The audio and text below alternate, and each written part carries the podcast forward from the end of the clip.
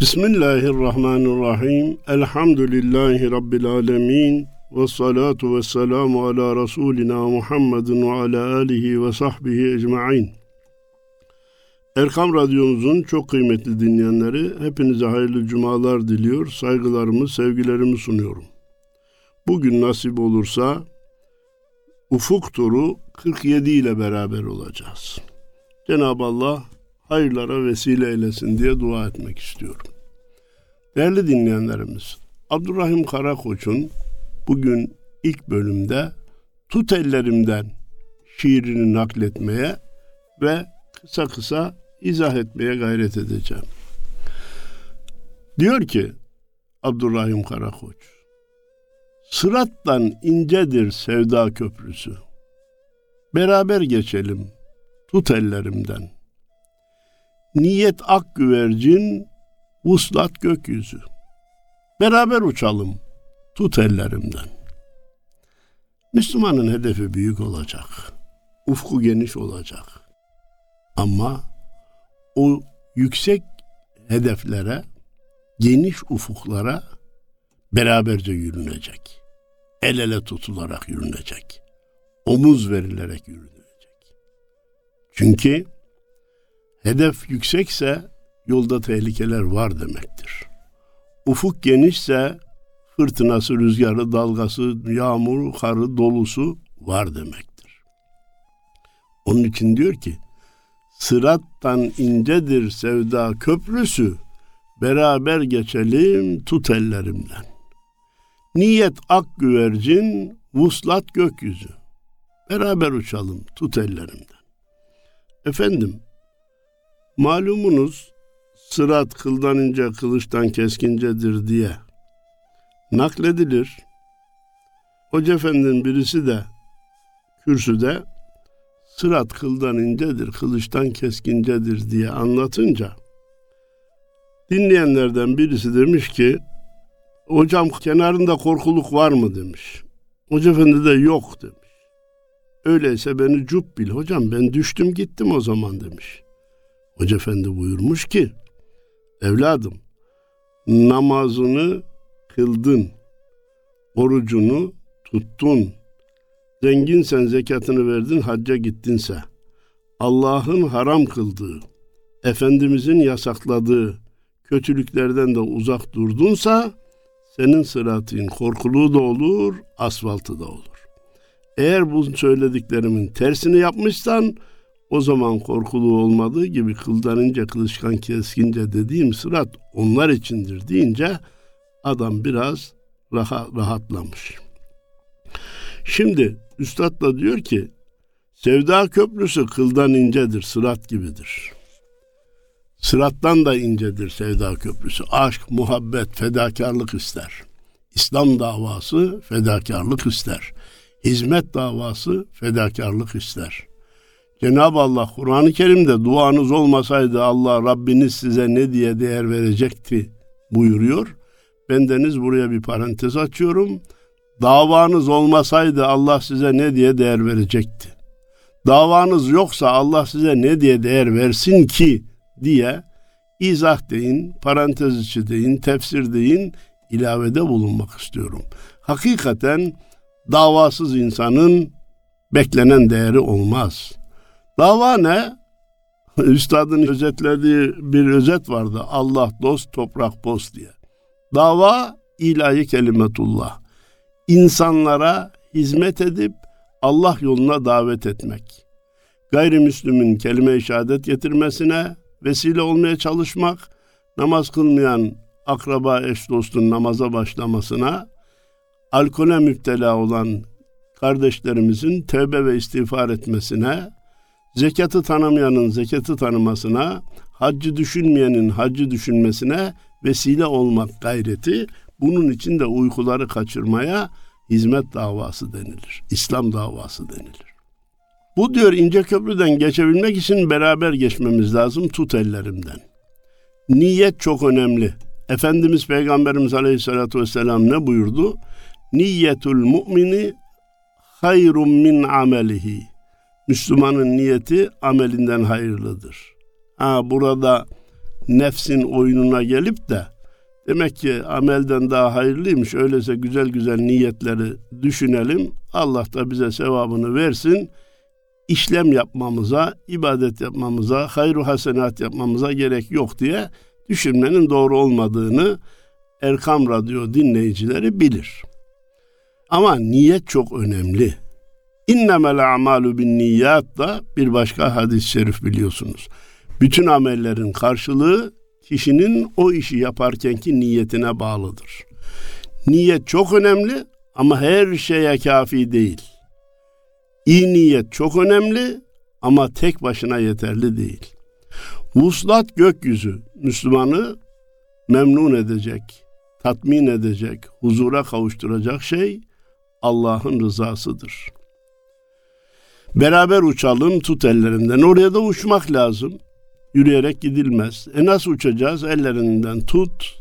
Sen bana, ben sana destek olalım ve hedefe doğru uçalım. Gönüldeki birlik kalkandır dışa. Aldırma ayaza, yele, yağışa. Giden ilk bahara, gelecek kışa. Beraber göçelim tut ellerimden. Bir el, ilkbahar geçtiyse tekrar oraya dönmek de mümkün. Yazı yaşayıp, güzü yaşayıp, kışı yaşayıp tekrar ilkbahara dönmek de mümkün. Sadece bizim sevdamız ilkbaharla da sınırlı değil, kışı da severiz. O karın yağıp da kefen gibi dünyanın yüzünü örtmesi, sonra bekleyince altından yeni yeşilliklerin fışkırması öldükten sonra dirilmeyi anlatır bize. Kar sizin kefeniniz gibidir, baharın fışkıran yeşillikler de sizin dirilişinizin örneğidir diye bize ders verir. Aldırma ayaza yele yağışa. Müslüman dine hizmet için yolda yürürken elbette bir kısım problemlerle ve engellerle karşılaşacak. Biraz evvel arz etmeye çalıştım. Eğer hedef yüksek ve ufuk genişse fırtınası da, yağışı da, dolusu da olacak. Beraber göçelim tut ellerimden. Bütün mesele şiirin ana teması birlik, beraberlik, beraber hareket etme. Birlikten güç doğar sözü hepimize malum olduğu gibi tek elin nesi var, iki elin sesi var atasözümüzü de hepimiz hatırlarız. Birleşmek üzeredir şafakla grup. Korku beklenilmez kapıda durup. İster zehir olsun, isterse şurup. Beraber içelim tut ellerimden. Bence şahane dörtlüklerden biri. Birleşmek üzeredir şafakla grup ne demek? E şafak güneşin doğuş anı, grup batış anı. Onlar nasıl birleşir? Batıyla doğu birleşecek. Allah'ın dininde insanlık bir araya bütünüyle topyekün değil ama büyük bir kısmıyla gelecek. Güneş batıdan doğacak. İşte güneşin batıdan doğması şafakla grubun birleşmesi demektir. Bizde izah kolay, bizde izah mümkün ve hu ala kulli şeyin kadir deyince her şeye gücü yeten bir Allah'a inanınca meselelerin izahı kolaylaşır. Korku beklenilmez kapıda durup. Ya ne oldu ne olacak? Deprem oldu mu olacak mı? Bu virüs dünyayı bir kere daha sarsacak mı? Geçmeyecek mi? Yeni virüs arkasından çıkacak mı? Kapıda durup da korku beklemeye gerek yok kardeşim. İster zehir olsun isterse şurup. Beraber içelim tut ellerimden. Zehri de içilecekse beraber içelim, şurubu da içilecekse beraber içelim. Biri tatlının, biri acının timsali biliyorsunuz. Bazen zehir de içilir mi? İçilir. İçine sinmiyor ama barışı temin etmek için akrabanla gerekirse zehri içip barışacaksın. Kardeşinle zehri içip paylaşacaksın. Komşunla zehri içip paylaşacaksın. Ülkeyi bölmek isteyenlerle gel kardeşim sen şu bölmekten bir vazgeç. Vazgeçtiğini de ilan et. Eskiden de bölmek istediğini bir itiraf et. Ondan sonra zehir içip barışalım denilecek. E şurup, şurup da içilecekse eş dostla içilirse onun tadı olur. Hani denilmiş ya acılar bölüşüldükçe küçülür, iyilikler, sevinçler de bölüşüldükçe çoğalır diye. İnsan bir nimetten istifade edecekse, onu dostuyla beraber yaparsa o nimetin kadri kıymeti de yükselir, hazzı lezzeti de yükselir. Beraber içelim, tut ellerimden. Çağır hayallerin en ötesini. Yakından duyarsın aşkın sesini. Sonsuz mutluluğun penceresini beraber açalım. Tut ellerimden. Hayallerin en ötesi nedir? Akla ilk gelen cennet. Allah'ın cemalini görme hayallerin en ötesidir. Oraya ulaşmak için ne lazım? Aşkı muhabbet lazım. Bu nasıl duyulacak? Beraber hareket edilirse duyulacak. Yakından duyarsın aşkın sesini. Sonsuz mutluluğun penceresini, cennete giden pencereyi, Allah'ın cemalini görmeye giden yolun penceresini, köşkün penceresini beraber açalım tut ellerimden. İyilikleri de beraber yaparsak kolaylaşır. Kişi tek başına başaramayacağı şeyleri eşi dostuyla yan yana olunca başarır. Hemen aklıma gelen tipik, küçük, basit fakat meseleyi anlatmaya katkısına olduğum misali arz edeyim. Sabah namazlarından sonra yürüyüşü yapmıyorsanız yapmaya başlayın. Her sabah namazında en az iki kilometre yürümeyi kendinize görev bilin. Ama bu yürüyüşü tek başınıza yaparsanız zorluğu bir başkadır. Bir iki arkadaşınızla beraber yaparsanız çok daha kolaylaştığını, bir haz ve zevk verdiğini göreceksiniz. Öyleyse camideki cemaatimiz sadece namaz arkadaşımız değil, yürüyüş arkadaşımız da olursa mutluluğun penceresinin küçük bir kısmını beraberce açmış oluruz. Büyük penceremiz Allah'ın rızası ve cemalini görmektir.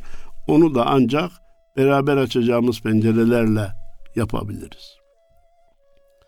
Hatırla kaybolan hatıraları. Elmastan ışıklı, altından sarı. Zaman tortusundan işte onları beraber seçelim. Tut ellerimden. Hani güzel bir söz var ya geçmiş zaman olur ki hayali cihan değer diye. Eski hatıraları yeniden dile getirmek insanlara zevk verir. Bunun en tipik örneğini askerlik hatıralarında duyarız.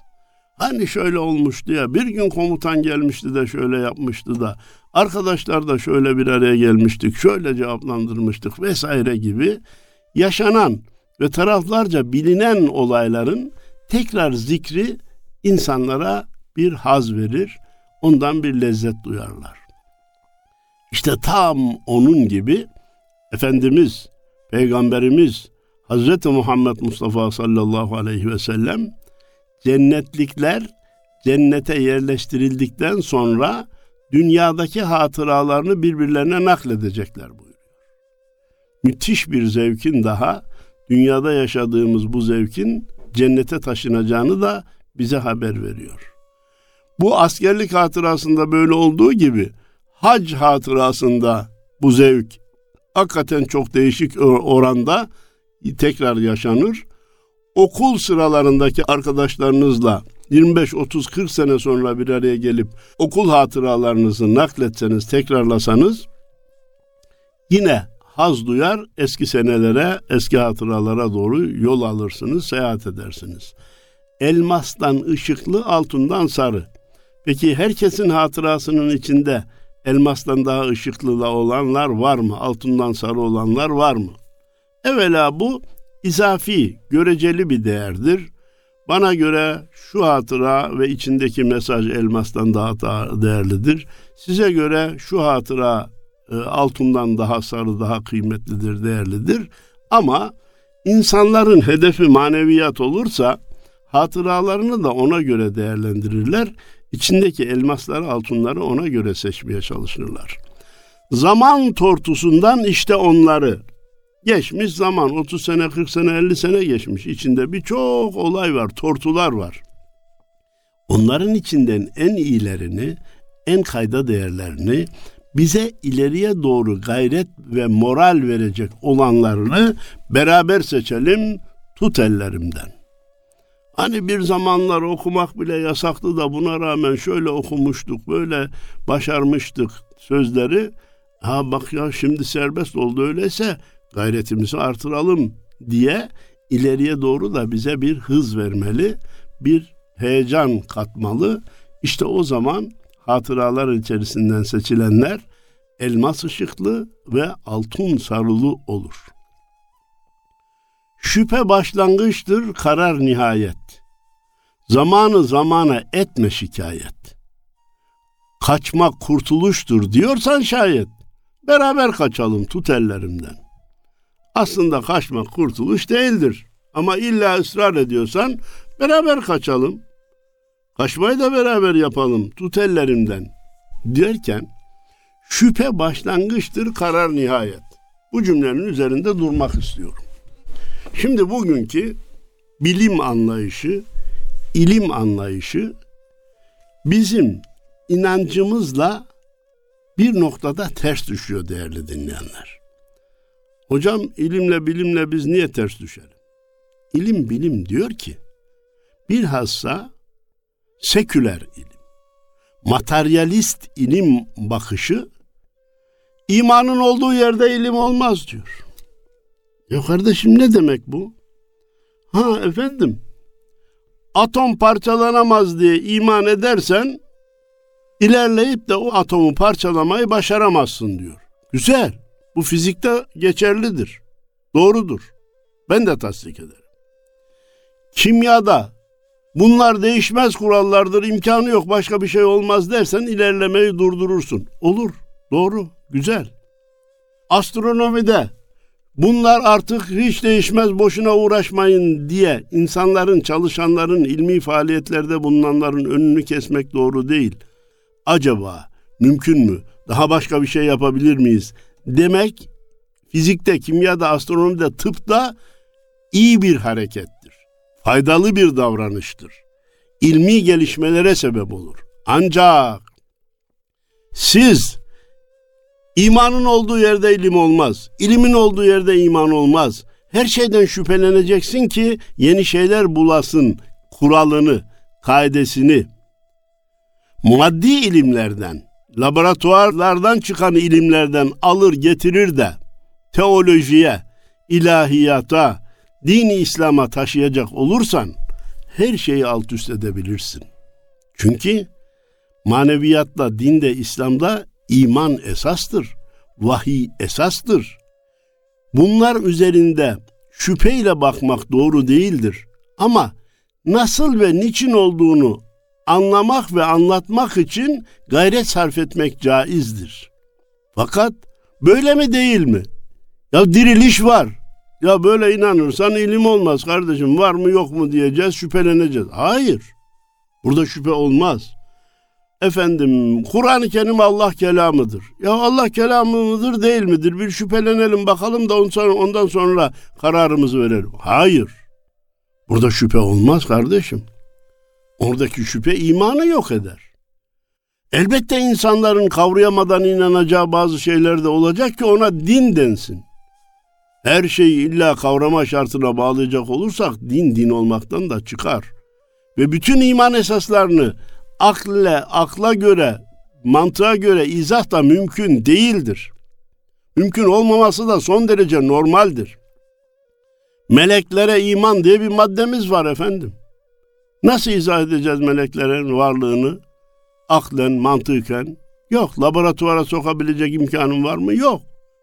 Cennet, cehennem vardır, haktır diyoruz. Neyle izah edeceksin? Mümkün değil. Öyleyse şüphe maddi ilimlerde, fenni ilimlerde bir hareket tarzıdır, motordur. Ama bunu İslam'a, dine taşıyamayız.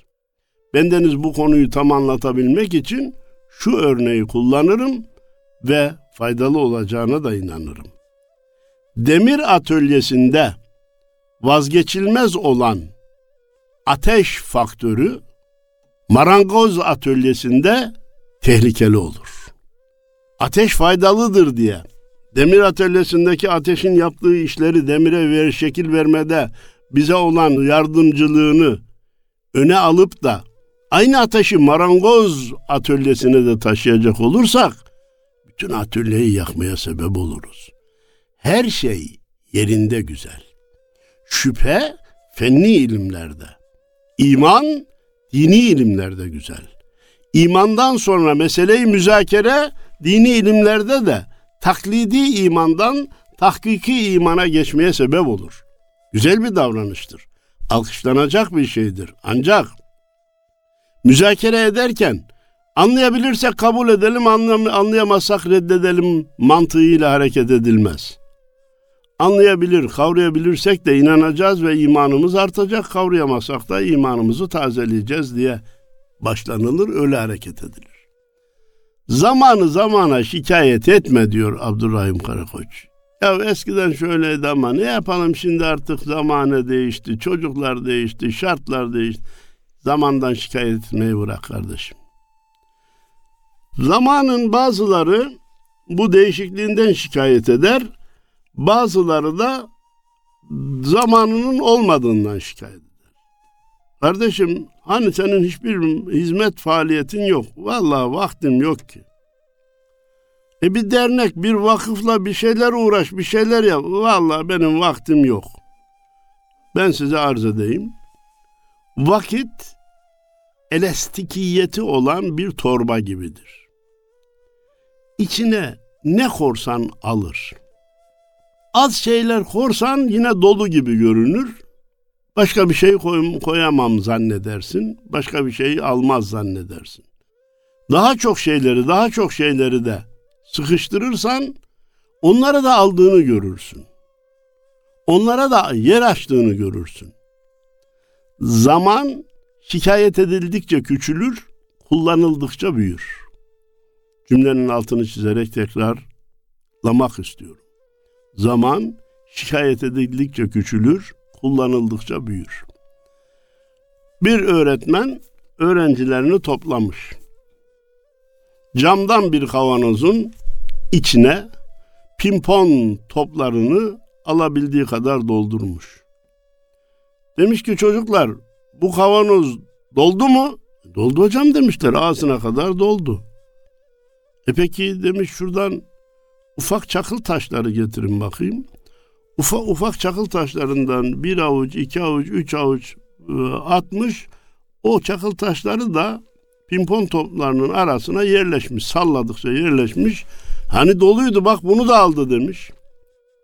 Şimdi doldu mu? Doldu hocam demişler. E kum getirin bakalım demiş. Birkaç avuç kum çağırtmış getirmiş. Onu da yavaş yavaş yavaş döküp sallaya sallaya o kumu da aldığını göstermiş. Bak doldu diyordunuz. İlk etapta pimpon topuyla doldu diyordunuz. Çakıl taşlarını da aldı. Çakıl taşlarıyla doldu diyordunuz. Kumları da aldı. Demek ki zaman da öyle bir şey. Kullandığınız kadar genişler, şayet ettiğiniz kadar küçülür. Kaçmak kurtuluştur diyorsan şayet. Aslında kurtuluş değil de diyor. Beni kandırmaya kalkma. Ama kaçmak kurtuluş değil. Evet, illa kurtuluştur diyorsan beraber kaçalım tut ellerimden. Niye sadece bana bırakıyorsun ki davayı, hizmeti?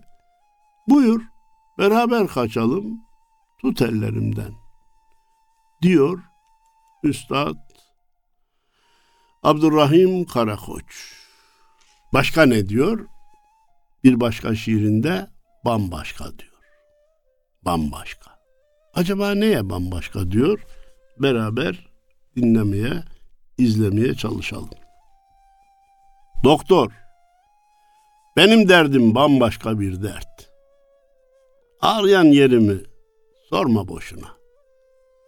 Yazdığın reçete değer mi zahmet? Kağıtla kalemi yorma boşuna. Ha benim derdim senin zannettiğin gibi maddi bir dert değil. Açlıkla yemeyle içmeyle ilgili bir dert değil. Benim derdim maneviyat derdi, iman derdi, İslam derdi.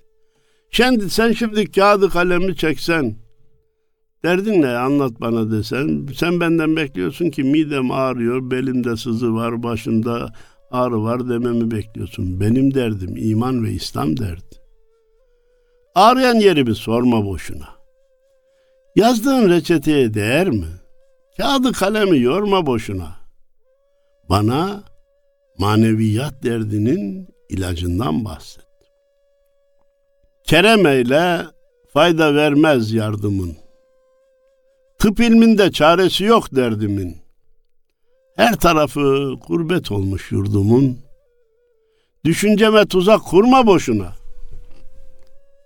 Sen bir iyilik yapacaksan bana maneviyattan bahis aç. Maneviyattan pencere aç. Memleketin derdini beraber müzakere edelim ben buna varım. Tıp ilminde çaresi yok derdimin. Benim derdimin çaresi yine ilaç değil. Her merhemi her yareye çare mi sanırsın demiş şair. Maddi dertlerin çaresi başka, maneviyat derdinin çaresi başkadır. Tıp ilminde çaresi yok derdimin. Her tarafı gurbet olmuş yurdumun. Üstad Necip Fazıl da diyordu ya, öz yurdunda garipsin, öz vatanında parya. Bizi öz yurdumuzda garip bırakanlar, öz vatanımızda bize parya, esir muamelesi yapanlar, dünyada da ahirette de hesabını verecekler. Biz böyle inanıyoruz, böyle bekliyoruz. Öyle basit helalleşmelerle de işin içinden çıkacaklarını zannetmesinler. Helalleşme talebi önce suçun itirafını gerektirir. Ne hakkımı yedin onu bir itiraf et bakayım. Ne zulümler yaptın onu bir itiraf et bakayım. Sonra da benim kabulüme bağlıdır helalleşme. Helal edecek miyim etmeyecek miyim? Onu bana bırak. Sanki ben senden helallik isteyeyim sen de mutlaka helallik ver bu işi bitirelim. Yok böyle ucuza kurtuluş. Önce itiraf et. Benim öteden beri söylediğim, kabul etmediğin zulümlerin zulüm olduğunu bir itiraf et bakalım. Kur'an'a, ezana, camiye, İslami hareketlere yaptığın, vurduğun prangaları, yaptığın zulümleri itiraf et. Sonra bundan sonra yapmayacağını, hatta aynı duygulara hizmetçi olacağını bana açıkla. Bana söyle, deklare et. Bunu da uygulamaya geç. Ondan sonra ben de bir karar vereyim. Helalleşecek miyim, helalleşmeyecek miyim? Helal edecek miyim, etmeyecek miyim? Her tarafı gurbet olmuş yurdumun. Düşünceme tuzak kurma boşuna. Beni düşünceden mahrum ettiler. Düşünmeyi bile suç saydılar. Aslında düşünmeyi kimse suç sayamaz ve kimse kimsenin ne düşündüğünü elinden alamaz. Düşünmesini engelleyemez. Bu bir gerçek. Ancak nasıl suç kabul ettiler? Ha, sen yeşil derken İslam'ı kastediyorsun diye rengimizden dolayı bile düşüncemizi okuyup, niyet okuyup cezalandırmaya kalktılar. Sen İslam'ın uygulanması derken şeriatın uygulanmasını kastediyorsun diye beynimizdekini okuyup bizi suçlamaya kalktılar. Doktor, şu düşüncelim, düşünceme kurulan tuzaklardan beni kurtar, o zaman derdime çare olursun. Gönlüm yığın yığın hasret yüklüdür. İçimde tarifsiz keder saklıdır. Sökemezsin yaralarım köklüdür. Merhem sürüp sargı sarma boşuna. Gönlüm yığın yığın hasret yüklüdür. Ahlaka hasret kaldık. İbadetlere hasret kaldık. Dolu camilere hasret kaldık. Mutlu bayramlara hasret kaldık. İçimde tarifsiz keder saklıdır. Memleketimdeki her olay beni üzüyor. Çılgınlıklar almış yürümüş gidiyor. Gençler özgürlük deyince içki içebilme, esrar kullanabilme, gayrimeşru bir araya gelebilme imkanlarını özgürlük zannediyorlar. Hayır ayıptır, günahtır bunları yapmayın diyenleri de kendilerine pranga vuran hainler olarak görmeye çalışıyorlar.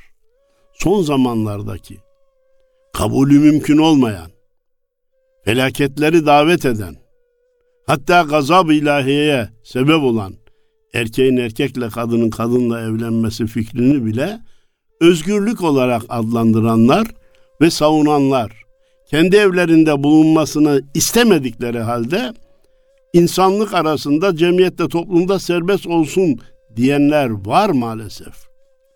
İçimdeki tarifsiz keder saklıdır. İşte bunlar hep bizi özüyor. Sökemezsin yaralarım köklüdür. Benim derdim maneviyattan geliyor ve çok köklü. Merhem sürüp sargı sarma boşuna. Pansuman tedbirlerle benim büyük derdime derman bulacağını zannetme. Bari bir de tedavi etmişlik havasına girme. Dost yolları nakışlandı kanımdan. Sevdiklerim vergi keser canımdan. Sükuta muhtacım, ayrıl yanımdan. İncitip günaha girme boşuna. Dost yolları nakışlandı kanımdan. Dostlarımın bu yolda dökülen kanları var benim hatıramda. Şapka giymedi diye idam edilenler. Kur'an okudu diye sürüm sürüm sündürülüp zindanlarda tutulanlar.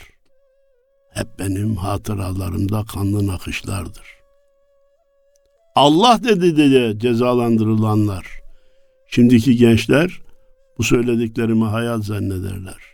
Bilin ve inanın ki bir tarihlerde bu memlekette Allah demek bile suç idi. Sevdiklerim vergi keser canımdan. Bu ne demek? Evlatlarıma ibadeti anlatamıyorum, canımdan gidiyor, canımı kesiyorlar. Yakınlarıma etmeyin gitmeyin bu ahlaksızlık diyorum. Hangi çağda yaşıyoruz diye karşı çıkıp canımdan bir parçayı daha götürüyorlar. Faizsiz ticaret, yalansız siyaset olmaz diyorlar. Canımın bir başka parçasını kesiyorlar. Doktor, ben sükuta muhtacım. Bırak beni kendi dünyamda, incitip de günaha girme boşuna. Beni maddi ilaçlarla tedavi etmeye kalkıp da incitmiş olursun. Ya ben neden bahsediyorum, bu neden bahsediyor der ve daha çok üzülürüm. Hiç olmazsa beni kendi dertlerimle baş başa bırak. Aşk koymuşlar ızdırabın adını. Alamadım yaşamanın tadını. Yapacaksan eğer bana yardımı, öldür kurtar, ilaç verme boşuna. Aşk ızdırap ister. Çilesiz aşk olmaz. Çünkü maşuk aşıkını çilelerle dener. Bakayım bu sıkıntılara rağmen hala beni sevmeye devam edecek mi? Alamadım yaşamanın tadını. İslam hayata hakim olmazsa hayat yaşamayı değer olmaktan çıkar. Hayat mutfakla tuvalet arasına döşenmiş bir boruya döner. Bir taraftan alır, öbür tarafa boşaltırsın. Halbuki yaratılışın gayesi bu değildir. Doktor, eğer bana bir iyilik yapacaksan bu şartlardan beni kurtar. Öldür kurtar. İlaç verme boşuna. Çünkü ilacı aldıkça ızdırabım artacak diyor. Bize verilen vakit doldu belki de biraz geçti. Hepinizden özür diliyor. Hepinize hayırlı cumalar diliyor. Saygılarımı, sevgilerimi sunuyorum. Allah'a emanet olun efendim.